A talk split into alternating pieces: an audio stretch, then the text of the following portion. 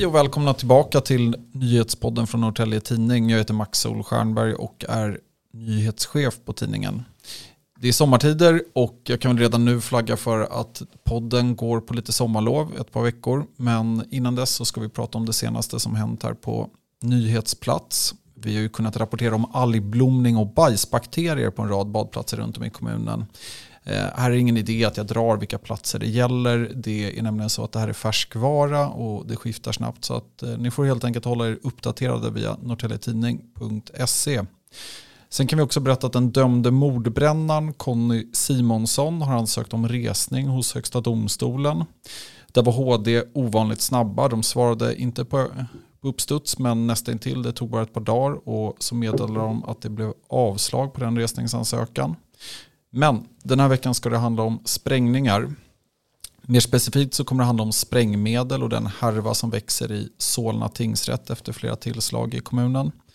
Det är nog få som har missat att det sprängs en hel del och det har varit många då de gångna åren. I Norrtälje kommun har vi inte haft den problematiken riktigt men vi är många som har nära band till Stockholm och där ser det desto mörkare ut kommer dra några siffror här från polisens senaste uppdatering och där noterar man bara för i år hittills alltså eh, 91 så att säga illegala detonationer och i huvudstaden är det 27 stycken. I den siffran ryms alltifrån handgranater till sprängningar med det som ja, är reguljära sprängmedel men som används på illa valda platser eller rent av med uppsåt eh, att skada. Eh, så det är ju ett jätteproblem det här och i måndags small det ordentligt i ett lägenhetshus i Vasastan. Eh, det är närmast ett under att ingen skadades i den historien. Eh, och det där skedde efter att någon lämnat en bomb i trappuppgången.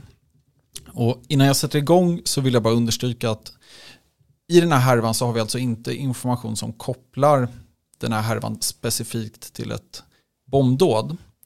Eh, det handlar om så kallat förberedelsebrott och det handlar om hanteringen av sprängmedel. Men det vi vet från tidigare lägesrapporter från bland annat polisen det är just att den kriminella miljön använder sig av sprängmedel från bland annat byggarbetsplatser.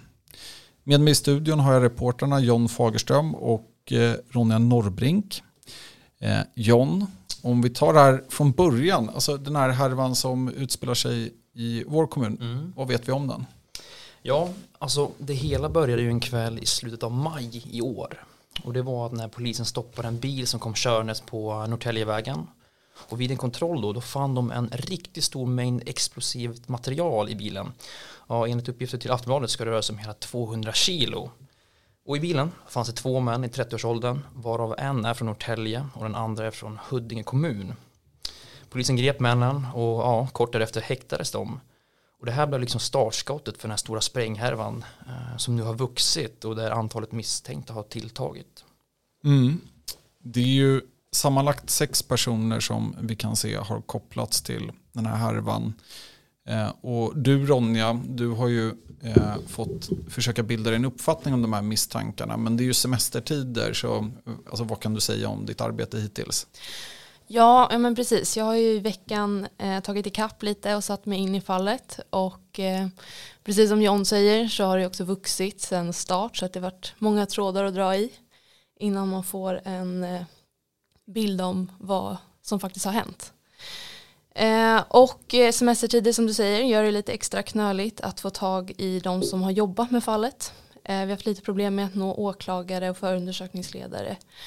Men eh, vi har eh, gått igenom belastningsregister och eh, häktningsförhandlingar, ringt runt till försvarsadvokater och ja, experter inom ämnet som jobbar med den här typen av brott för att skapa oss en uppfattning om vad det är som har hänt. Ja, och John, mm. den här händelsen, alltså det rör ju nu sammanlagt sex personer varav fyra är personer som vi vet en hel del om. Vad, vad är det man kan säga om dem? De är ju häktade nu. Mm. Ja, det första jag måste poängtera det är ju att eh, ja, det har ju vuxit verkligen den här eh, härvan.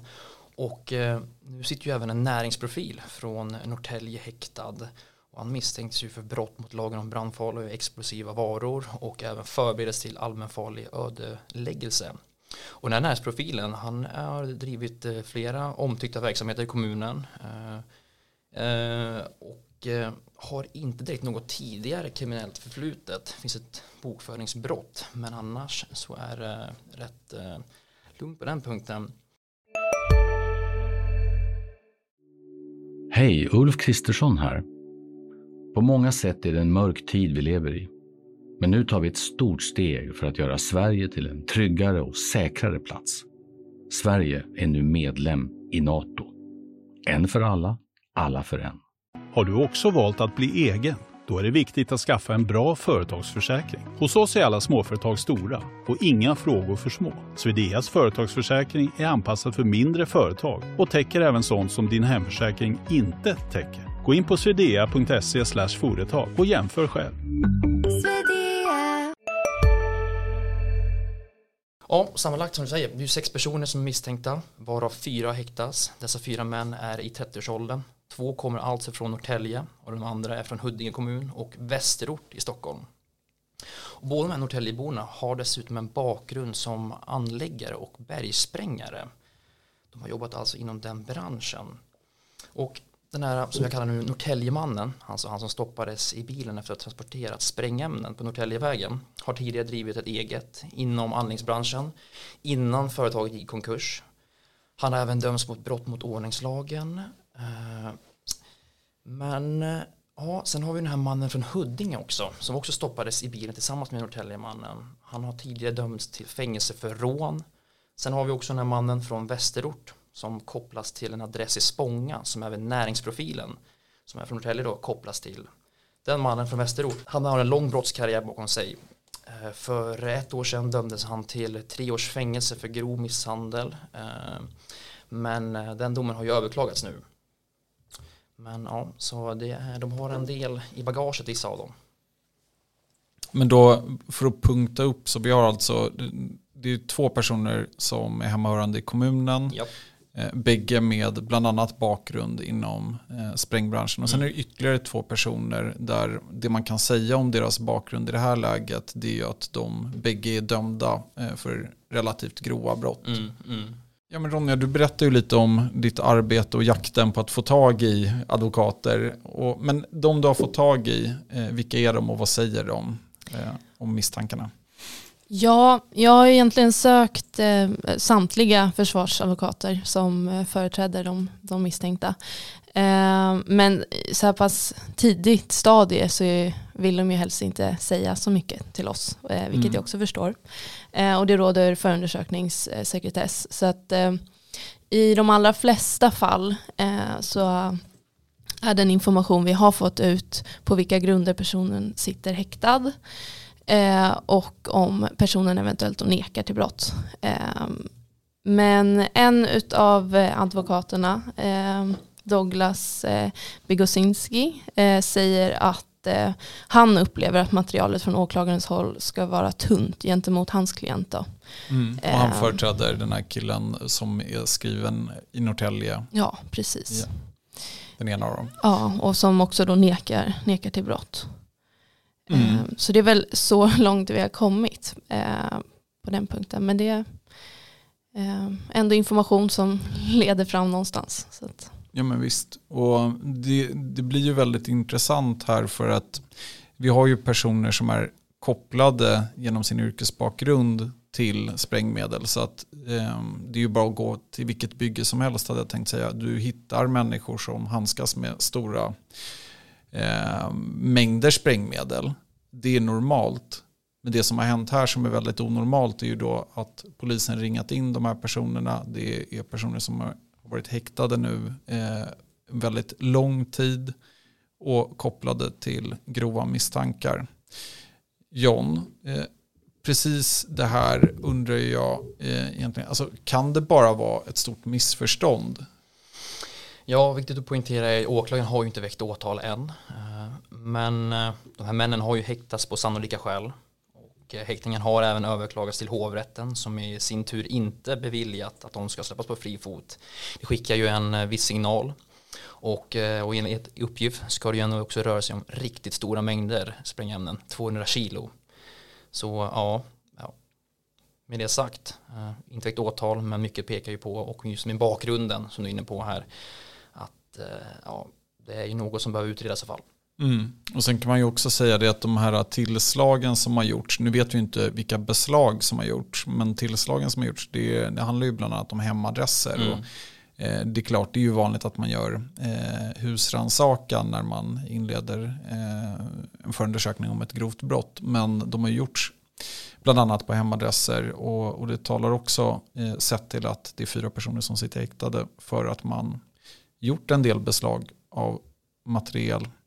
Men vi får se, vi får se om Douglas Bigosinski har en poäng här och att det är väldigt tunt material det vilar på. Det gäller att hålla tungan rätt i mun med tanke på att det inte är ett åtal vi tittar på, det är misstankar. Hej, Synoptik här. Hos oss får du hjälp med att ta hand om din ögonhälsa. Vår synundersökning kan vi upptäcka både synförändringar och tecken på vanliga ögonsjukdomar. Boka tid på synoptik.se. Hej, Susanne Axel här. När du gör som jag och listar dig på en av Krys vårdcentraler får du en fast läkarkontakt som kan din sjukdomshistoria. Du får träffa erfarna specialister, tillgång till lättakuten och så kan du chatta med vårdpersonalen. Så gör ditt viktigaste val idag, lista dig hos Kry. Ja, nej men Ronja, jag nämnde ju inledningsvis det här med att det ändå finns kopplingar mellan ja, det som jag lite amatörmässigt kallar sprängbranschen och då kriminella miljöer. Men går det att säga hur vanligt det är eller vad, vad kan man säga egentligen om kopplingen på ett generellt plan? Du har ju mm. försökt ringa runt och få lite svar om det. Ja, ja men precis. Jag har sökt en del eh, experter inom just det här ämnet. Och och eh, jag pratade med eh, Manne Jirell som är eh, docent i kriminologi. Och han menar att det inte alls är helt ovanligt att sprängmedel från branschen används i kriminella sammanhang. Det har även publicerats en del artiklar från bland annat Dagens Arbete där Malin Nygren som är chef i polisens nationella bombdatacenter uttalar sig om just det här. Henne har vi också sökt och hoppas att få prata med. Och eh, i den här artikeln då så eh, menar man att eh, det kan röra sig mer eh, kring eh, mer än ett och ett halvt ton sprängmedel som har stulits från byggarbetsplatser i Sverige. Eh, och hon menar då att Sverige är unikt på ett jättedåligt sätt. I inget annat land används sprängämnen i kriminell kontext lika mycket som här. Så det visar ju bara att fall som just det här som vi kikar på just nu inte eh, alls är så ovanligt och att det eh, faktiskt kan finnas en ganska stark koppling till eh, branschen och mm. att sprängmedel läcker ut, eh, stjäls och eh, används i kriminella sammanhang. Mm. Det är verkligen ett lästips där om man är intresserad av ämnet. Dagens Arbete har mm. gjort ett eh, hästjobb i att eh, kartlägga det här. Eh, och de pratar bland annat med en kille som jobbar i branschen och som berättar att han eh, just säljer eller han förmedlar sprängmedlen. Och han berättar hur enkelt det har varit att smuggla ut det från byggarbetsplatser och ja, berättar faktiskt eh, verkligen ingående om, om just den biten. Eh, men hela det här ämnet kommer vi återkomma till på nyhetsplats. Vi får helt enkelt se hur det utvecklar sig. Och en stor uppmaning till alla er där ute. Eh, se till att höra av er med nyhetstips. Känner ni till något om den här härvan så hör av er. Har ni förslag på vad vi borde ha med i podden eller för den delen på nyhetsplats, hör av er. Ni hittar oss på norrtäljetidning.se. Stort tack för att ni lyssnar.